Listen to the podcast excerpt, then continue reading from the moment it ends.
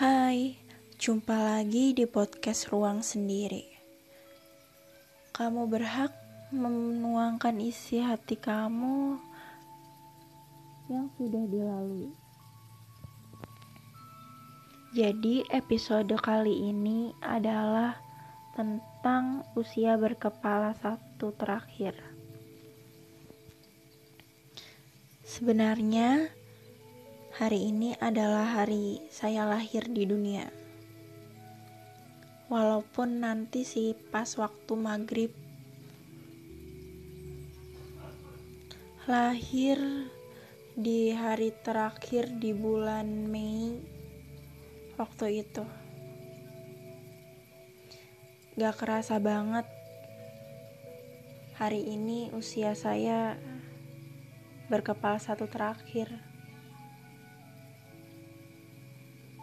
satu tahun ke depan menikmati masa-masa itu. Dan tahun depannya lagi usia saya sudah digantikan oleh angka satu yaitu angka dua.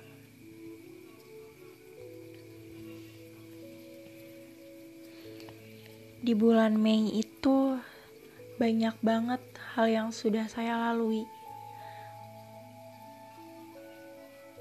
dari kehilangan sesuatu sampai hal yang membuat saya lebih tangguh lagi ke depannya.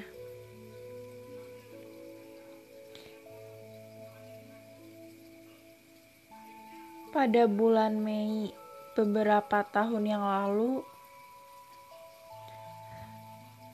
uak saya meninggal tepatnya di hari lahir saya. Waktu itu saya ingat persis. Saya di rumah sendirian. Orang tua dan orang rumah itu pergi ke rumah Uwa. Waktu itu bulan puasa. Saya lagi sibuk-sibuknya sekolah. Saya hanya terdiam ketika saya mendapat kabar bahwa saya meninggal. Badan saya lemas, dingin.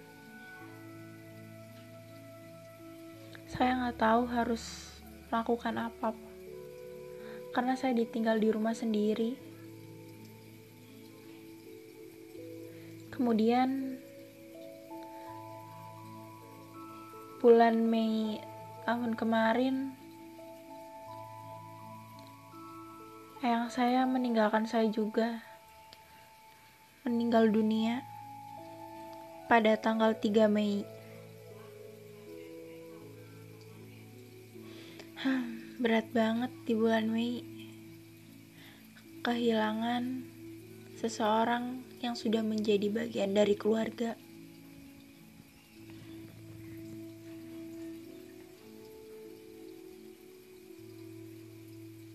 Saya jadi tidak punya eyang lagi.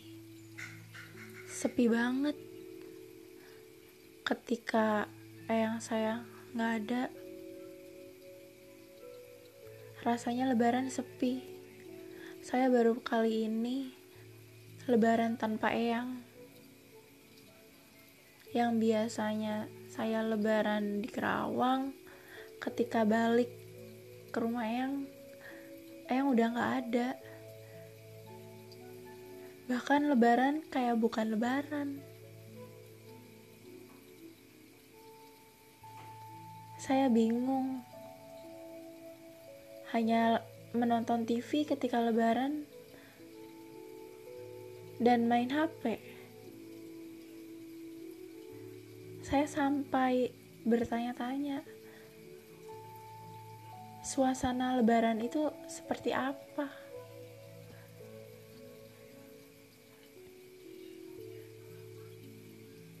Sungguh, Mei masa-masa paling berat kala itu.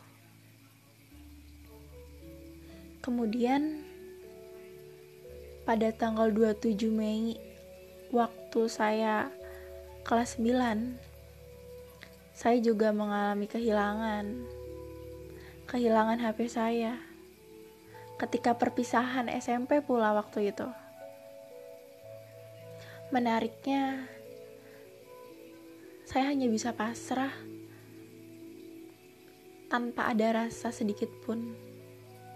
Saya bingung merasakan diri saya sendiri yang tidak tahu kenapa saya ketika HP itu hilang tidak merasakan takut atau khawatir. Karena waktu itu saya ada masalah dengan teman saya. Hmm, lebih tepatnya bukan masalah, tapi sulit untuk mengikhlaskan, sulit untuk menerima kenyataan. Saya waktu itu egois banget, meminta hak, tapi itu bukan hak saya. Saya nuntut ke dia. Setelah dipikir-pikir, saya jahat juga kala itu. Gak pantas saya seperti itu. Tapi mau gimana lagi? Udah terjadi. Di dua tahun terakhir banyak banget hal yang udah saya lalui apalagi beberapa bulan ini ketika semester 2 di awal perkuliahan saya mengalami quarter life crisis. Quarter life crisis itu gejalanya saya takut akan masa depan, takut perihal karir, impian saya. Hmm, banyak banget deh ketakutan saya. saya takut gagal karena di usia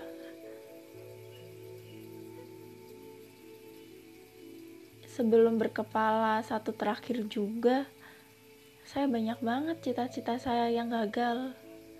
Impian saya yang gagal. Bahkan untuk meraih meraihnya pun saya nggak bisa. Dan yang lucunya yang bisa meraih impian saya itu keinginan saya itu saudara saya. Contoh kecil dari SD, SMP, SMA, bahkan sampai memilih perguruan tinggi. Saudara saya semua yang mewujudkan keinginan saya. Lucu banget.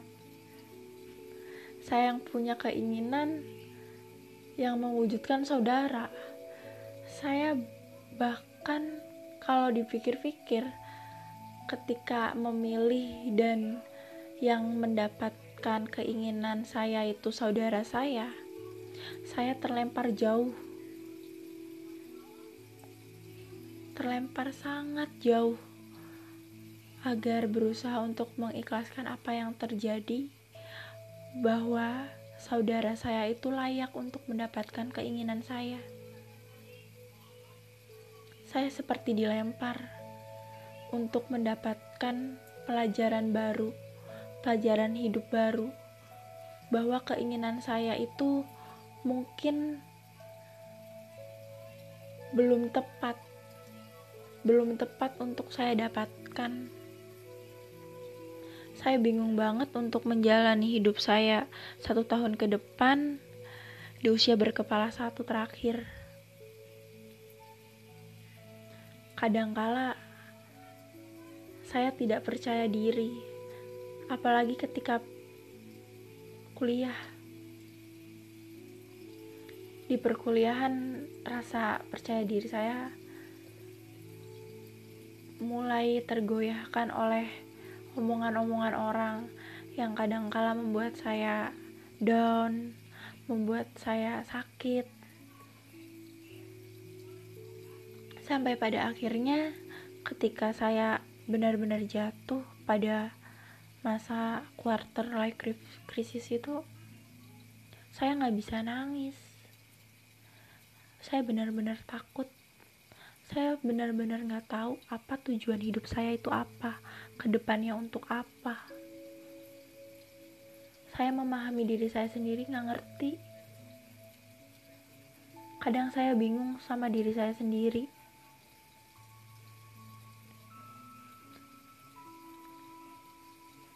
Apalagi saya merasa sendiri, hidup sendiri di tengah keramaian. Saya juga kadangkala bingung banget buat mengatasi hal tersebut. Sampai pada akhirnya saya bertanya pada kakak tingkat saya menanyakan hal ini. Ternyata pada masa quarter life crisis itu saya nggak sendiri. Mungkin banyak orang di luar sana mengalami hal ini, tapi yang membuat berbeda adalah bagaimana mereka untuk terus maju mengalami masa quarter life crisis ini.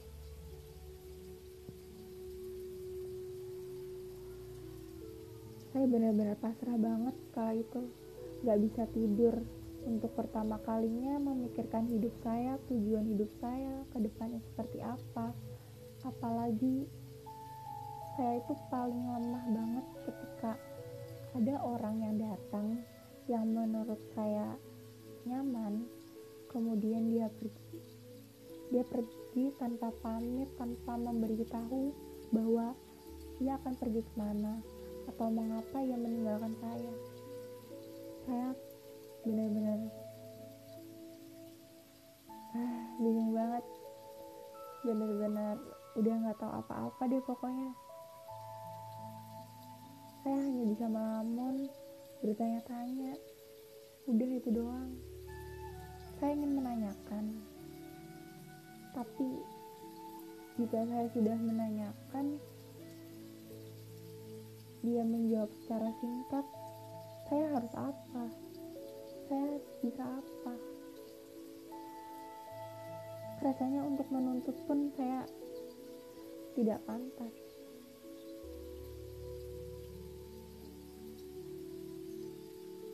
Dan semenjak kepergian orang-orang yang membuat saya nyaman membuat saya sayang saya suka takut untuk melangkah namun kalau saya terus-terusan takut untuk melangkah, bagaimana dengan adik saya? Karena saya punya adik, adik saya juga harus tangguh. Kalau kakaknya lemah, apa yang terjadi pada adik saya? Saya teringat ketika masa SMP ketika saya harus pindah pindah SMA ketika itu saya hanya pamit dengan orang-orang terdekat yang menurut saya perlu untuk diberitahu. Setelah HP hilang, saya pergi ke Kerawang. Tiba-tiba saya dapat sinyal wifi dan membuka Facebook. Kala itu inbox banyak banget. Banyak banget inboxnya masuk. Mereka ternyata mencari saya.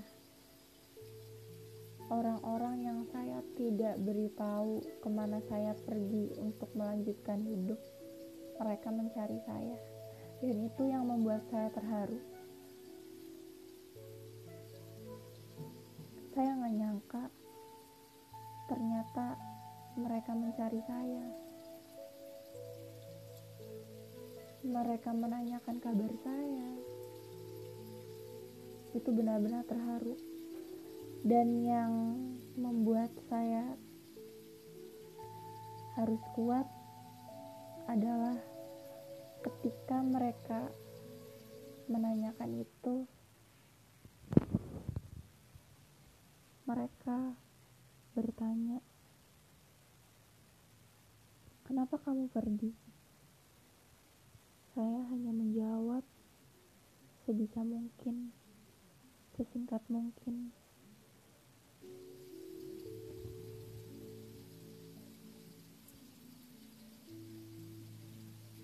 dan ketika masa SMA masa-masa itu sangat berarti bagi saya karena di situ saya banyak banget pelajaran hidup belajar untuk bertahan hidup mulai dari bawah banget sampai hal yang gak saya sangka ada dua hal yang membuat saya kebingungan dan sangat bersyukur sekali. Kala itu saya merasa dekat dengan pencipta saya. Yaitu pada peristiwa ketika saya akan berangkat ke sekolah, saya ditawarkan oleh seseorang yang tidak kenal untuk berangkat bareng. Mereka, uh, dia itu menawarkan tumpangan pada saya. Saya tahu dia itu bukan tukang ojek karena pakaiannya itu rapi banget kayak orang mau pergi ke kantor gitu kan. Kemudian saya bayar si biasa. Saya ingat saya ingat jelas dia berbicara seperti ini. Gak usah uangnya buat neng aja, saya ikhlas untuk membantu Eneng karena kita searah saya di situ bersyukur banget karena saya menemui orang baik saya masih berjumpa dengan orang baik saya harus percaya bahwa orang baik itu ada di sekeliling kita bahkan dengan sesuatu hal yang tak terduga. Kala itu saya nggak tidak berpikir negatif bahwa orang itu akan menculik saya atau apa pun itu. Saya hanya mengikuti kata hati saya dengan orang ini orang baik. Seperti itu.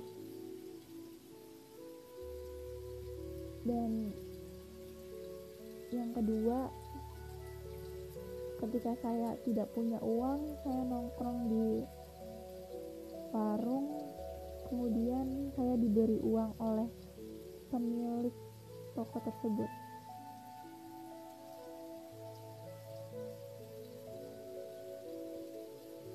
Saya kaget banget. Baru kali ini saya merasakan rezeki nggak ke mana. Ya dua hal tersebut atau bahkan banyak hal yang merupakan rezeki tidak ke mana namun saya tidak menyadarinya. Mungkin saya kurang peka atau memang benar saya tidak peka.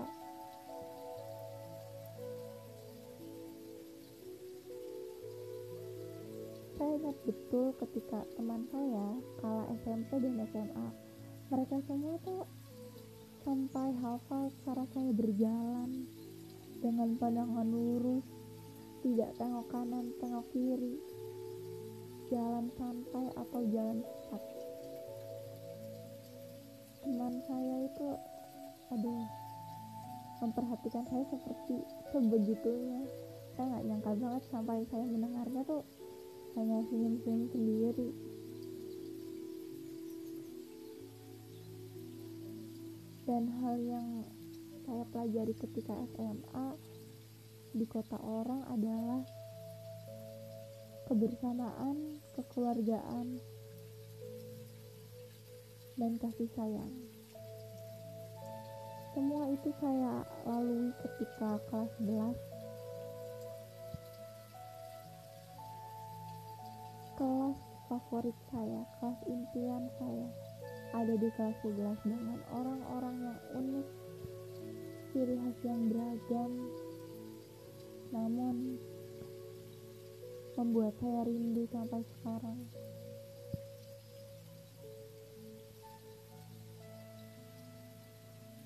Hampir satu kelas, mereka itu tahu karakter saya, karakter asli saya awal masuk kelas itu mungkin biasa aja. Tapi lama kelamaan ternyata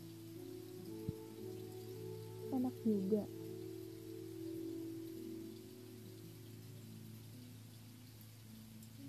Ketika saya berangkat ke sekolah pagi-pagi teman-teman saya tahu kalau pagi-pagi saya berangkat ke sekolah pasti belum makan. Kalaulah saya telat pasti udah makan. Atau saya males untuk berangkat pagi-pagi karena pelajaran pagi itu gurunya saya tidak suka. Saya ingat betul ketika saya lapar banget pas hari Jumat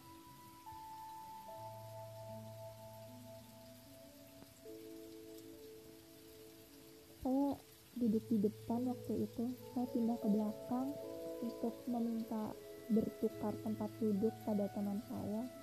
Saya ke belakang terus memakan kue teman saya. Saya beli ke teman saya kue tersebut saya makan di bawah meja. Teman-teman saya membantu saya untuk memakan kue tersebut. Lucu banget kalau itu saking kompaknya. Dan yang lucunya lagi dan yang membuat saya bersyukur kala itu saya tidak diberi uang untuk jajan. Teman saya membantunya. Teman saya membantu saya.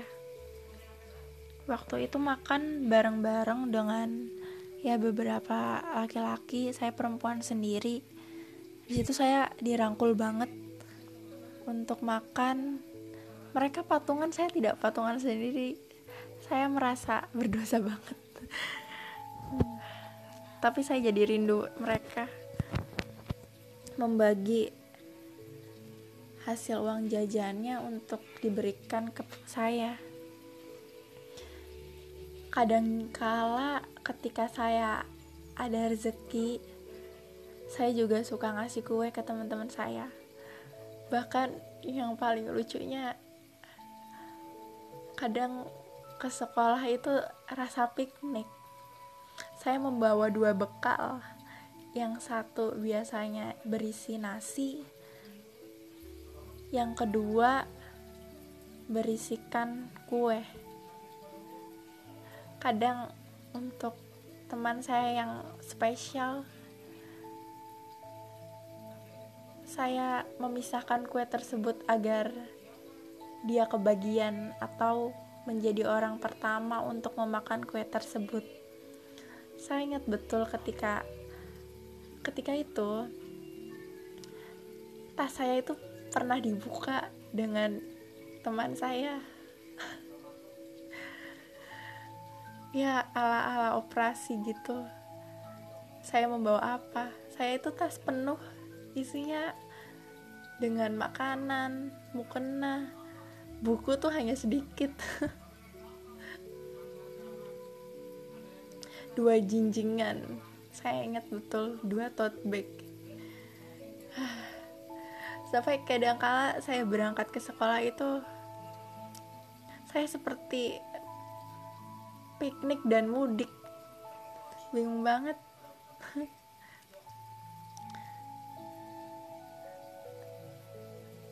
Kala itu benar-benar indah bahkan teman saya itu sampai sekarang suka ingat dengan saya kalau mereka diberi makanan lebih mereka ingat saya.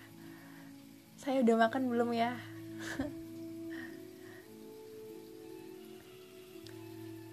Nabila udah makan belum ya?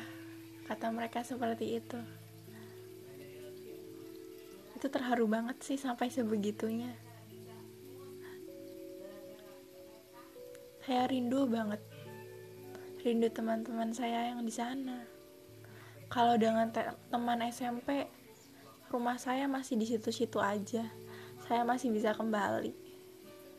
Kalau di Kerawang, rasanya harus nabung dulu untuk bisa ke sana, untuk bisa berjumpa dengan teman-teman saya yang belum tentu semua bisa kumpul. Karena mereka punya kesibukan masing-masing. Saya juga ingat ketika saya berangkat ke sekolah atau pulang sekolah, saya suka diberi tumpangan oleh guru matematika saya dan di SMA itu saya jadi menyukai matematika gara-gara gurunya. Tiga tahun saya mendapatkan guru yang membuat saya suka dengan matematika. Sedikit suka sedikit. Walaupun ketika kuis saya tidak mencapai hasil kepuasan saya.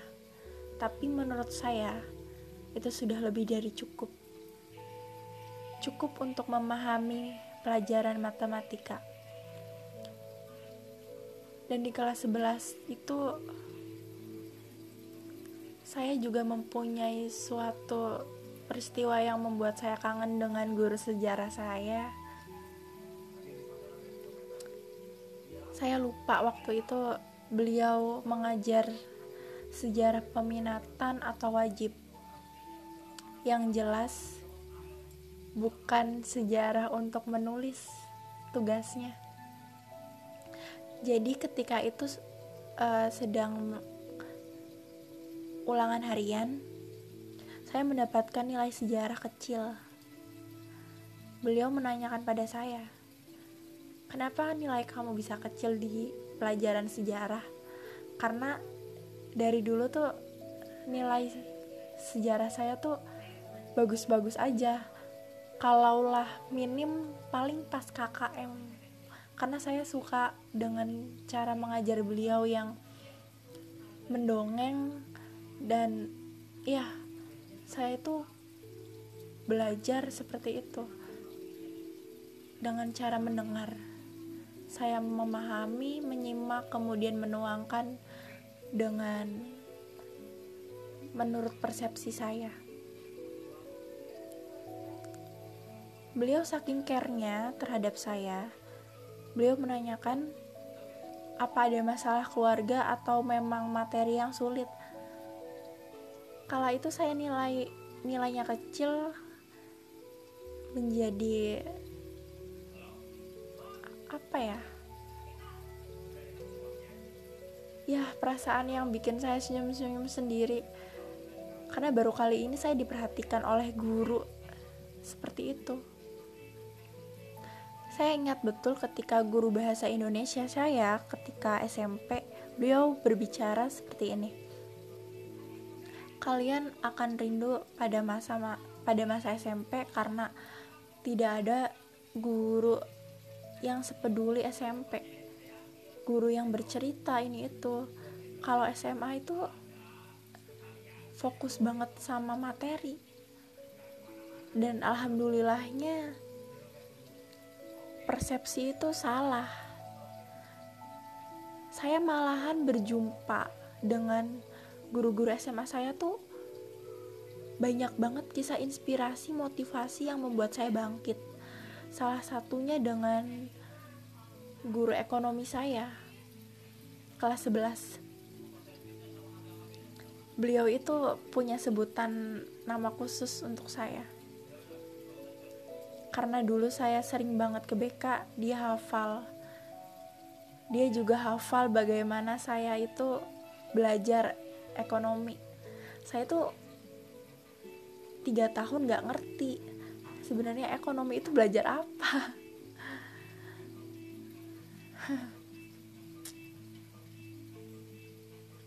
Mungkin ekonomi membuat saya kurang memahami. Jadi saya tidak memahami pelajaran tersebut bahkan ucapan gurunya juga. Entah terlalu baku atau bahasanya terlalu berat atau tidak membuat saya mengerti selama tiga tahun.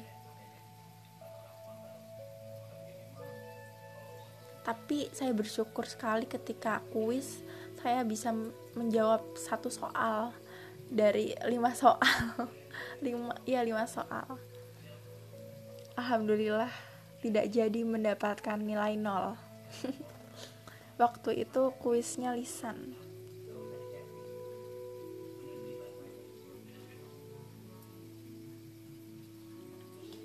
dan ketika kuliah saya tidak seberani SMP dan SMA walaupun SMA saya pindah dilempar sejauh kilometer entah apa pun itu kalau melewati tol Cipali bisa sampai dua setengah jam kalau lancar. Tapi saya tetap berani untuk melawan rasa takut itu ketika SMA beda dengan hal beda dengan kuliah. Ketika kuliah saya merasa ragu merasa takut. Saya sempat bercerita pada ibu saya dan bertanya kalau kuliah nanti saya bisa nggak ya berjumpa teman SMA saya teman SMP saya yang sifatnya seperti itu. Saking takutnya. Ibu saya memotivasi saya memberi dorongan untuk tetap maju tetap bangkit.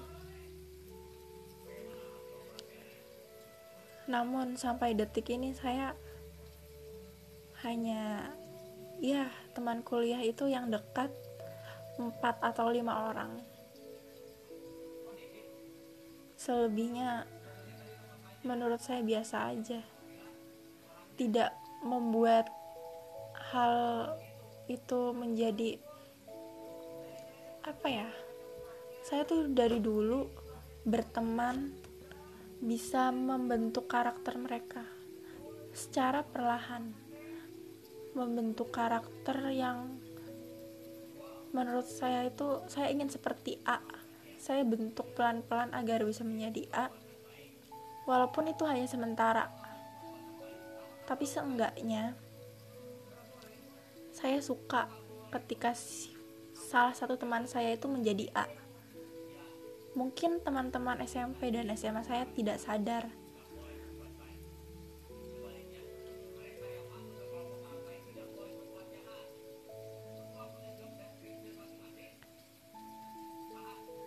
di perkuliahan benar-benar bingung banget atmosfernya berbeda. Saya berjumpa dengan ya orang asli Indonesia. Bermacam-macam suku budaya. Tapi saya berasa Indonesia juga karena saya merasakan toleransi ketika itu ketika itu teman saya ada nonis. Saya mengucapkan uh, hari raya mereka. Kemudian mereka menyemangati saya ketika bulan puasa. Bulan puasa kemarin. Teman saya mengucapkan memberi saya semangat untuk puasanya. Saya berasa wow toleransi itu benar-benar indah. Saya merasakan hal tersebut ketika saya kuliah.